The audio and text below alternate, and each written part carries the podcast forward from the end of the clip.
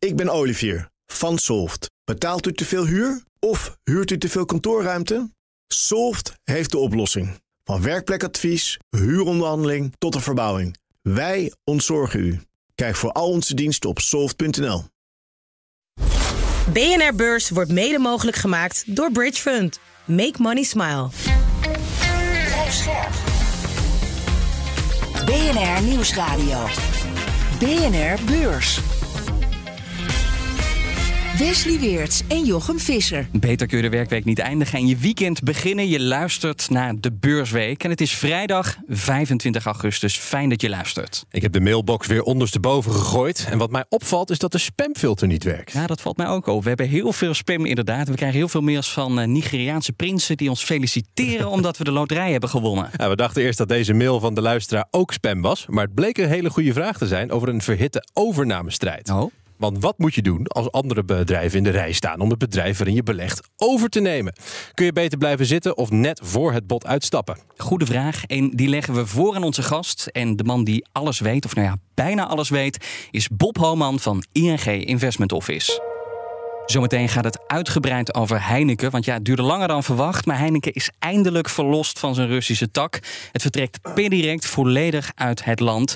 En voor 1 euro wordt de boel verkocht. Nou, over de consequenties voor het bedrijf en beleggers, daar hebben we het zo over. Maar Jochem, we beginnen met een flinke claim tegen ABN AMRO. Ja, want ABN AMRO krijgt een claim aan zijn broek vanwege witwassen. Het gaat om een bedrag van 200 miljoen euro. Claim is ingediend door een Nederlandse claimadvocaat. Hij werkt bij het kleine kantoor Berkway. En deze advocaat heeft een claimvehikel gevestigd in de Kanalen-eilanden. Hij treedt op namens een groep Britse institutionele beleggers... en zegt dat ABN zijn rapportageverplichtingen verzaakte. En daarmee bedoelt hij de witwasschandalen natuurlijk. Mhm. De Britse beleggers die hadden er namelijk graag over gehoord... voor zij hun aandelen kochten. Ja, het is even geleden dat we het erover hadden. Threads, weet je nog, het haalde in recordtempo 100 miljoen gebruikers binnen. Mhm. Al snel daarna ging het toch een stukje minder, want gebruikers renden weg. Beroemdheden die keerden de Twitter-rivaal van Meta de rug toe. En om een verdere leegloop te voorkomen en in de hoop om nieuwe gebruikers te trekken, lanceert Threads nu een webversie. Dus je kunt voortaan ook op de computer inloggen en Threads gebruiken. Maar Bob, gaat het nog goed komen of is dit na de metaverse fiasco nummer 2? Nou, ten eerste, ik denk niet dat de metaverse een fiasco is. Hè. Dat moet Goed, nog, ja, eh, dat kan natuurlijk dat ook moet nog blijken. Zo zijn. Daar denk, denken eh, veel andere beleggers overigens anders over. Maar Ja, maar intussen staat hè, Facebook ging op, denk ik, op eh, metaverse terug naar 100 dollar en nu in, de, in wat is het, weer 250 of zoiets. Dus Ja. het, het is verwerkt en het kan nog steeds wat worden, hè, want het is geen ondenkbeeldig iets dat je ooit met die metaverse geld gaat verdienen. Dus ik waardeer eigenlijk wel techbedrijven die blijven investeren ook in misschien een klein beetje in, eh, in droombeelden die ooit wel werkelijkheid worden. Ze hebben kerst genoeg, zou je zeggen. Mhm. En dat, wat dat threads betreft, ja, kijk, Europa is nog niet open. Hè. Volgens mij gaat dat heel binnenkort eh, gebeuren. Ik meen, Ja. meen zelfs volgende week. En dan Twitter X ligt er ook een beetje uit. Dan is het denk ik echt wel een concurrent. Maar waar het volgens mij echt om gaat, is hoe weten ze het aan te kleden. Hè. Ik denk dat heel veel Amerikaanse bedrijven, ik denk Twitter en eh, Meta, met jaloezie naar bijvoorbeeld WeChat in, eh, in, eh, in China kijken ja. die in die app alles geïntegreerd heeft. En ik denk dat zowel Musk als Facebook, Meta dit, dit, dit graag zouden willen doen. Eh, en dan heb je natuurlijk wel gebruikers nodig. Maar ik zou het zeker nog niet, eh, niet opgeven. Zeker niet en met de webversie en met Europa wat, eh, wat open gaat. Wat anders dan, want na anderhalf jaar en maanden later dan gepland, vertrekt Heineken nu dan echt uit Rusland. Het verkoopt zijn Russische activiteiten aan Arnes Group. En dat is een grote Russische fabrikant van blikjes en spuitbussen. De nieuwe eigenaar betaalt een prijs waarvoor je nog geen fluitje bier kunt bestellen. Want voor 1 euro verkoopt Heineken zijn Russische brouwerijen. De verkoop van Heineken Rusland, ja, dat was volgens topman Dolf van de Brink. Dat zei hij de hele tijd. Prioriteit nummer 1, 2 en 3. Maar waarom duurde het dan uiteindelijk zo lang, Bob? Omdat je denk ik wilt zorgen dat je personeel en zo eh, goed, eh, goed overgaat. En ik denk toch ook wel dat er een klein beetje dwang eh, achter zit. Ik denk niet dat het misschien niet heel toevallig is dat het leveren van F-16's, hè, in wat Denemarken doet en Carlsberg is onteigend hè, in, eh, in Rusland. Ja, dat Eh, wilde Heineken voorkomen. en dat we, ja, en dan doe je denk ik op, op een nette manier. Dus ik denk dat er ook wel wat, eh, wat dwang achter zit. Het is denk ik een, een keuze tussen heel goedkoop wegdoen en, en nog een beetje wat proberen te regelen voor de mensen daar. ehm, of onteigend ehm, worden. Ja, een hele goede prijs is het ook niet. eh, een eurotje wat ze er nu, eh, nu voor terugkrijgen. Ja, met een beetje minder schuld. Zeven brouwerijen, 1800 medewerkers. Maar wel een verlies van 300 miljoen dollar. Eh, eh, daarvoor wordt dat verkocht met dat verlies voor Heineken. Maar waar bestaat dat verlies uit? Nou ja, dat zal, ik denk maar uit één groot ding bestaan, dat is afschrijving. Het zijn Dus de fabrieken, de materialen die daar staan. klopt, ja, misschien nog wat goodwill. Ja, en dat ben je in één keer kwijt. En zien we dat dan in de volgende kwartaalcijfers, die afschrijving? Ja, als het goed is wel. Ik denk dat ze al wat afgeschreven zullen hebben, maar dit, als ze nu nog spreken over verlies, zal dat eh, volgend kwartaal gepakt worden. Zullen ze waarschijnlijk al wel een voorziening voor hebben genomen. Dus als die dan weer vrij valt, ehm, zie je het misschien niet eens zo heel heftig terug. Maar de totale schade is groter, lijkt mij, dan 300 miljoen euro. Nou ja, je verliest omzet. Hè. Ik geloof dat het 2% van de omzet van Heineken kwam uit Rusland. Afgelopen tien jaar volgens mij geen winst gemaakt. Dus wat dat betreft doet het niet echt pijn. Je had het net al, eh, Jochem, over die eh, 100 miljoen. In ieder geval over die lening, hè, die, die meevallen. Want het is wel zo, de koper betaalt een euro... maar moet wel voor 100 miljoen aan oude leningen terugbetalen aan Heineken. Beperkt dat het verlies nog enigszins... of is dat al meegerekend in die 300 miljoen eh, aan verlies? Dat verwacht ik dat het wel in die 300 miljoen zal zitten. En Arnest is een eh, grote fabrikant van spuitbussen voor bijvoorbeeld luchtverfrisser, deodorant of haarspray. Ehm, wat moet die eigenlijk met Heineken? Ze doen ook al soortgelijke dingen. En en heel veel grote merken van Unilever en een dergelijke Nestlé als, als klant. Ehm, dus ja, het is verticale integratie. Je, je, je levert al de flessen. Eh, die productielijn heb je al. Oké, en nu ga je er eh, in dit geval bier in stoppen. Nou, dat heeft volgens mij de overnemende partij echt goed in, eh, in de vingers. Ja. Eh, nou, je ziet ook overal in de wereld ook gewoon fabrieken die Coca-Cola bottelen. Hè. Dus het is echt een, eh, een vak. Daar kun je geld mee Eh, verdienen. daar kan je dus ook geld mee Ja. verdienen. Eh, en ja, op zich is het dan niet zo gek om dan wat integratie te doen. Hè, wat verticale integratie. En met verticaal integreren bedoel jij, eh, eh, dan kunnen ze meer van de hele productielijn onder eigen beheer doen. Ja, dus ze pakken er een, een, een stuk van de keten bij. Hè. Normaal hadden ze alleen, ze leverden de flessen. Nu leveren ze de flessen en de inhoud. Ja. ja. Helder. En over een paar jaar dan komt die economie in Rusland weer op gang. En dan hebben Russische bedrijven gewoon een gratis voorsprong natuurlijk. Door de investeringen van Heineken en anderen. Dat zijn die afschrijvingen. Hoe, zie jij, hoe kijk jij hier tegenaan? Ja, uiteindelijk eh, is het natuurlijk wel zo dat Rusland op deze manier, of je het nou onteigent of, of zo heel goedkoop eh, bedrijven binnenkrijgt, ja, wel allerlei eh, productiefaciliteiten krijgt op een hele goedkope manier, die je in de toekomst eh, ook nodig heeft. En ik denk in tegenstelling tot wat andere eh, onteigeningen, die vaak naar oligarchen gingen, die de boel waarschijnlijk nou ja, verprutsen, om het zo te zeggen, gaat dit naar een gerenommeerd bedrijf, wat echt wel een, een bedrijf kan, kan voeren. Maar wordt dat dan in de toekomst weer een concurrent van Heineken? Op de binnenlandse markt niet, want ik denk niet dat Heineken heel snel zal terugkeren op de binnenlandse markt. Nee, maar ze kopen ook heel nou veel echt- expertise natuurlijk. Als ze nou echt heel groot worden en, en ooit in een hele verre toekomst, als al- de wereld weer nou, een betere plaats is, laten we het zo zeggen. En ze gaan exporteren, ja, misschien. Maar je zou kunnen zeggen, dit is dan een kleine brouwerij. Eh, De, je hebt een paar grote brouwers in de wereld die met elkaar concurreren. En ik, dat zie ik hier niet van komen. Nee, maar het is natuurlijk wel dat je voor een habbekrat gooi je heel veel expertise over de schutting bij een ander, zonder dat diegene er iets voor hoeft te doen. Ja, en dan na de oorlog, dan gaan ze weer exporteren. En ja, dat is dan allemaal voor hen natuurlijk. Ja, nee, dat klopt. Ja, ja de- op zich worden ze daar natuurlijk niet slechter van. Nee. Al de hele week gaat het over bedrijven waarvoor een beursexit dreigt. Financiële problemen, een opsplitsing of een bedrijf dat zich opeens heeft bedacht. Het kunnen allemaal redenen zijn om het plekje op de beurs op te geven. Nou, hoe je als belegger als een van de eerste kunt ontdekken of een bedrijf exitplannen heeft, dat hoor je zo. Blijf dus luisteren en doe er je voordeel mee. Maar eerst is het tijd voor. BNR Beurs. De luisteraarsvraag. En die komt deze week van Ari. Hij leed eh, flinke pijn rond overnames van Ordina en Beter Bed. Hij verkocht in beide gevallen te vroeg voor de overname. En toen herstelden de aandelen zich weer, dus bleef hij zitten met de gebakken peren.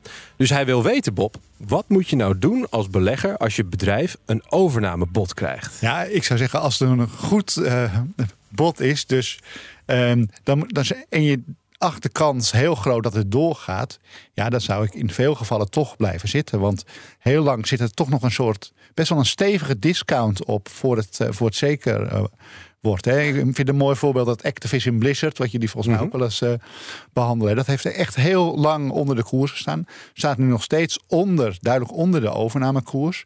Dus daar kan je. En, en dan kijk het liefst naar bedrijven, en dan vind ik Activision Blizzard een mooi eh, voorbeeld. Waarbij als de overname doorgaat, nou, hartstikke mooi. Maar als de overname afketst, wat natuurlijk ook altijd nog kan, dat je even goed een goed bedrijf in handen hebt. Dus ik zou zeggen, als er een overnamebod is, en zeker wat de, de luisteraar zegt, als er misschien nog een strijd ontstaat, ja, dan moet, moet je natuurlijk zeker blijven zitten. Eh, of je moet het echt zo'n waardeloos bedrijf vinden dat je zo blij bent eh, dat je er vanaf bent. Ja, dan moet je je kans grijpen. Nou, jij noemt twee dingen. Je moet zeker zijn dat de prijs goed is en je moet zeker zijn dat het doorgaat. Dus kun je in het algemeen nou beter blijven zitten of juist vertrekken? Nou, ik zou dus in het algemeen eh, liever blijven zitten. Helder. Heel veel ehm, professionele beleggers die verkopen zodra het overnamebod er is. En hij staat nog met een discount genoteerd, hè, dus nog echt onder de overnamewaarde. Doen hem al weg, want die hebben dan zoiets van: ja, daar zitten nog 7 tot 10 of 15 procent in. Maar dan kan ik beter mijn geld investeren in een ander bedrijf, want ik zat erin voor een reden en die is eruit gekomen. En dan kan je, denk ik, als particuliere belegger, heb je dat ritje dan nog wel te gaan. 10, 15 procent. Arie, ik wens je de volgende keer meer geluk. Hopelijk heb je er wat aan. Heb jij ook een vraag over je aandelen? Aarzel niet en mail naar bnrbeurs.bnr.nl. Was het de vorige keer Adyen dat een krater sloeg in zijn eigen beurskoers? Deze week doken koopjesjagers op het aandeel. Zo kocht Cathy Wood voor ruim 9 miljoen dollar aan aandelen Adyen. Want na de koersval van Adyen van de afgelopen dagen komt de bekende investeerder Katie Wood in actie. Zij grijpt de daling aan om haar positie te vergroten. In totaal koopt ze voor 9 miljoen dollar aan aandelen Adyen. Wood kocht ook aandelen Zoom, hè, een van de toppers tijdens corona. Maar daarna zakte de beurskoers in. Wel kwam Zoom met beter dan verwachte resultaten, want omzet en winst die stegen. Zoom wordt overeind geholpen door de focus op grote bedrijven, de uitrol van nieuwe diensten en besparingen. En deze week stond ook de overname, ja, we hadden het er al even over, van Activision Blizzard door Microsoft in de schijnwerpers. Microsoft heeft een truc bedacht om die overname toch door te laten gaan. Met nieuwe toezeggingen probeert het de Britse toezichthouder aan zijn kant te krijgen. En die maakt zich zorgen om de macht van Microsoft. In EU is al goedkeuring voor die overname. Maar dit was vooral een punt voor de Britse CMA om die deal nog tegen het licht te houden. Dat doen ze nu nog eenmaal met deze remedy van Microsoft met Ubisoft dus. De papieren zijn ingediend en daarmee is de beursgang van chipontwerper ARM officieel opgestart. En het moet de beursgang van het jaar worden. Maar liefst 28 banken begeleiden de operatie. Verwachte waardering tussen de 60 en 70 miljard dollar. En er zijn meer cijfers, die heb ik voor je. 70 miljoen euro, dat is een bedrag dat je moet onthouden. Want zo hoog is de claim tegen Randstad. En die komt van de Belgische Belastingdienst. Randstad heeft winst die het in België maakte weggesluist naar Zwitserland. En daar betaalde het uitzendbureau amper belasting over die winsten. En dat is tegen de regels, zegt de Belgische fiscus. Maar het was vooral de week waarin Nvidia verplettert met zijn resultaten. Heel Silicon Valley staat in de rij voor de super geavanceerde AI-chips van Nvidia. De chipmaker ziet de miljarden binnenstromen, want de omzet ligt ver boven de torenhoge verwachtingen van analisten. En de winst die is bijna tien keer zo hoog als vorig jaar. Ja, ook de prijs van het aandeel is eh, de lucht ingeschoten. Bob, vind je het nog betaalbaar, dat aandeel Nvidia? Nou ja, het is prijzig, maar ik vind het nog wel betaalbaar. Ja, Inderdaad. 245 keer de jaarwinst? Nou ja, dat hangt er van. Ja, als je voor dit jaar kijkt. Maar als je volgend jaar kijkt, hè, volgens mij zit je dan op 35 keer. Ja, is prijzig. Maar weet je, ze maken die groei wel heel erg waar. Ehm, en als ze iedere keer zo verrassen, dan ehm, is een koerswinst van 35 ook volgend jaar helemaal niet gek. Dus dan ga je met je winststijging omhoog. Ja, Ja. en dan doe je toch nog echt wel heel leuk mee. Ja, de omzet is top, winst geweldig, outlook prachtig. Is er nog iets waar je je zorgen om moet maken? Nou ja, ehm, hogere rentes misschien, hè, die toch de waardering van dit soort aandelen onder druk zetten. Maar weet je, ik denk dat daar zit je heel dicht bij een top. Dus ben ik niet zo heel bang eh, voor. Ehm, je zou kunnen zeggen concurrentie. Ja, heb je Ze daar wel veel van te vrezen? Intel, AMD lopen ook een beetje achter.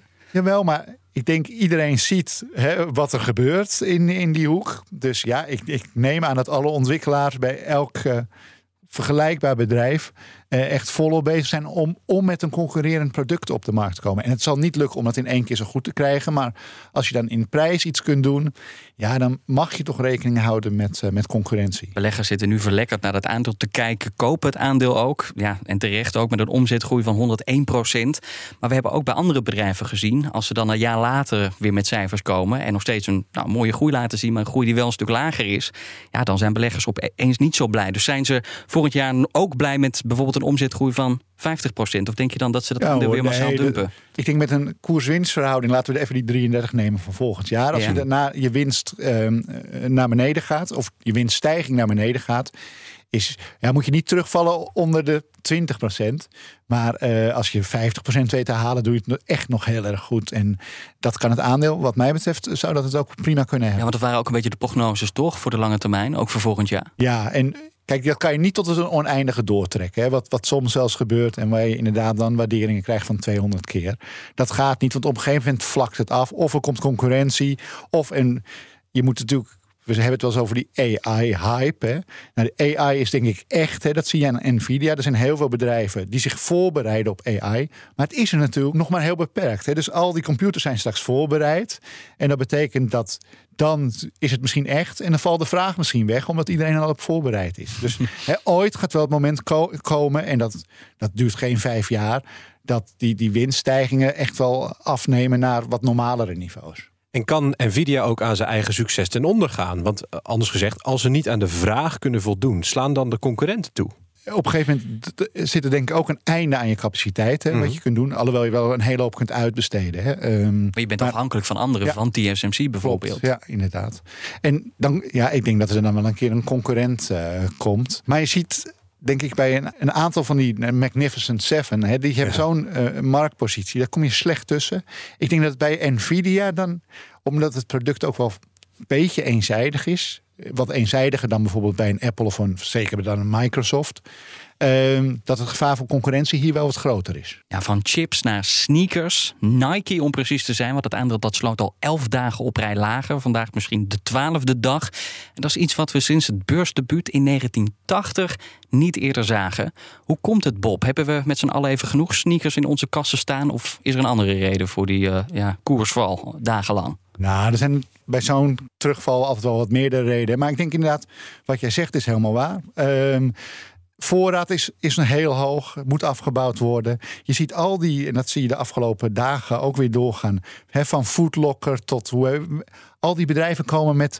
Oeh, het valt wel erg tegen onze verkoop. Nou Mhm. ja, en dat zie je ook nog met je oude voorraad. Dus bij Nike komt dat ook gewoon eh, hard aan. En wat je ziet in Amerika, consumenten blijven echt nog wel uitgeven, maar veel minder aan fysieke dingen dan aan diensten. Hè, dus nou ja, die, dat zie je denk ik overal in de wereld. Die diensten doen het heel erg goed. Producten hebben het gewoon wat moeilijker. We horen dus steeds, consumenten hebben sinds corona genoeg spullen geshopt. Nu willen ze diensten en vakanties, zoals je ook vertelt. Maar ja, op een gegeven moment zijn je schoenen ook weer versleten. Kan er dan weer een klapper komen volgend jaar? Nou ja, ik denk dat je op in, dan heb ik niet specifiek over schoenen, hè, maar wat je ziet, die productiesector die, die draaide 20% plus hè, tijdens corona. Intussen ben je nu weer teruggevallen naar het niveau van 2019, vlak voor corona. Dat is dus een normale correctie, want dan, iedereen zit weer op het niveau van spullen. Dan heb je wel een slechte tijd gehad. Dus jouw punt is helemaal juist. Er komt dus een moment dat het weer normaliseert en niet meer afneemt. En voor, over de hele linie zijn we daar volgens mij heel dichtbij. Voor schoenen specifiek weet ik het niet. En, maar straffen beleggers Nike, Nike te veel af? Nou ja, het is ook dat is een best wel een. Je betaalt er echt wel wat voor. Ja. Hè? Ehm, dus ik denk dat een correctietje op wat er nu gebeurt, ja, echt wel, wel logisch is. Maar ook niet iets wat. eh, waarbij je zegt van dit is een voorbode voor ellende. Wat ik niet helemaal begrijp. eh, Twee maanden geleden kwam Nike met de cijfers. Toen kwamen ze al met een negatieve outlook, tegenvallende vooruitzichten. Dus waarom ja, laten beleggers dan precies nu dat, dat Ja, aandeel vallen? Wat is de trigger? Ik denk toch echt eh, al die eh, schoenen, verkoopketens. Ja, zo'n foodlocker bijvoorbeeld die Oh, met slechte cijfers ja. komt. Ik denk dat dat de trigger is van oh, het, ze waarschuwden wel, maar het is ook echt zo. Ergens anders waar het eh, wat minder loopt is bij Alphen. Want na de omzetwaarschuwing waren beleggers al ja, voorbereid op slecht nieuws. Eh, ze kwamen met die omzetwaarschuwing vorige week. En toch vielen de cijfers ondanks die waarschuwing tegen. Want de groei is bijna helemaal stilgevallen. En vooral de zwakke vraag, weer zwakke vraag, zit Alphen dwars. Maar waar zit voor Alphen de grootste problemen? Ja, die zwakke vraag dus, maar waar precies? Ja, ook eh, bijna hetzelfde als het Nike-verhaal eigenlijk. Hè? Nou, wat saai. Voorraden, voorraden. Grote voorraden die afgebouwd worden. En ik denk vraaguitval, eh, met name in landen, nou ja, Duitsland is een voorbeeld, waar de subsidies op elektrische auto's eraf gaan. Mhm. Ja, dan gaat het opeens niet zo hard meer. Hè, In Nederland, waar volgens mij over niet al te korte tijd ook weer wegenbelasting betaald moet worden hè, op elektrische auto's. Ja, dan, dan gaat het tempo er eventjes uit. Die elektrische auto's, ik denk dat het echt, nou je ziet het, ze winnen terrein. Maar subsidie, eh, die, die gaf dat een enorme spurt. En als die subsidie dan wegvalt, ja, dan gaat het eventjes wat langzamer. Nee, je betaalt nog steeds eh, voor het aandeel Alfa meer dan 30 keer de jaarwinst. Als alles tegenvalt, waarom blijven we dan toch zoveel betalen voor dat aandeel, zelfs nu? Nou, ook hier kwam ik op een andere eh, waardering. Sure, met groei erbij, met groei erbij neem ik aan. Ja, voor volgend jaar dan. Here we go. Nou ja, maar zit- die groei is niet zo hoog meer, hè? Wat Uh-huh. jullie net al Precies. zeiden. Maar dan zit je, ik kwam op een, een keer of twintig.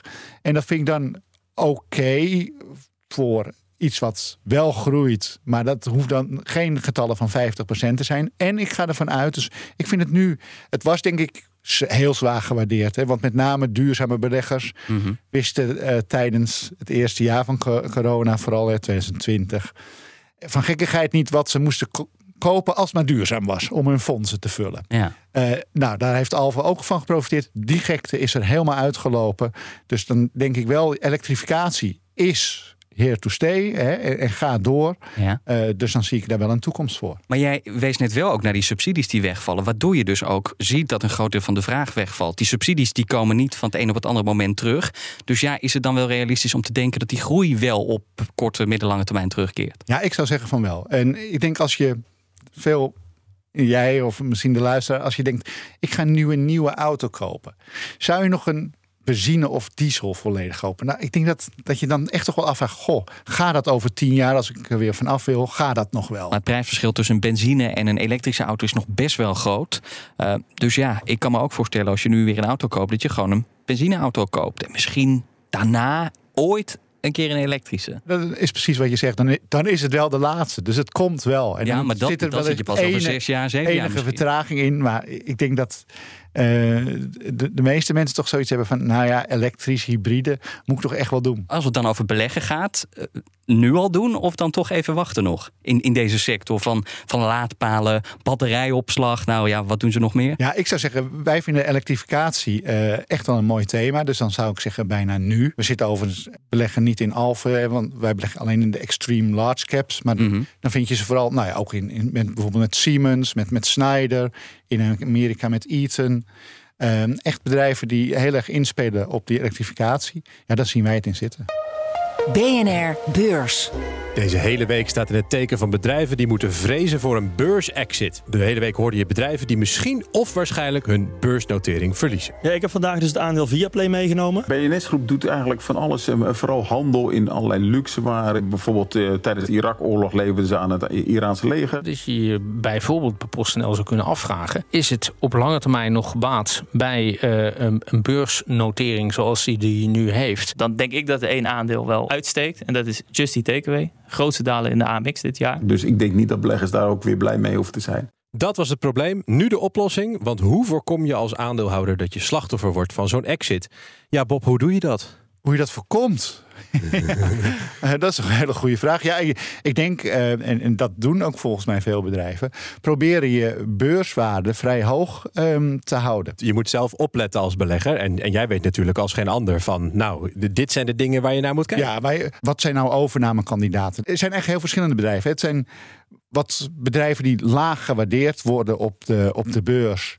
Ehm, en misschien ook in, daardoor in de toekomst moeilijk kapitaal kunnen ophalen. Dus het heeft eigenlijk geen zin meer om een beursnotering te hebben. Ik denk dat heel veel speelt rondom duurzaamheid. Je ziet toch wel dat de echt niet duurzame bedrijven, vooral in Europa, die laten beleggers voor een deel toch wel, zeker institutionele beleggers, links liggen. Dus de waarderingen zijn echt laag.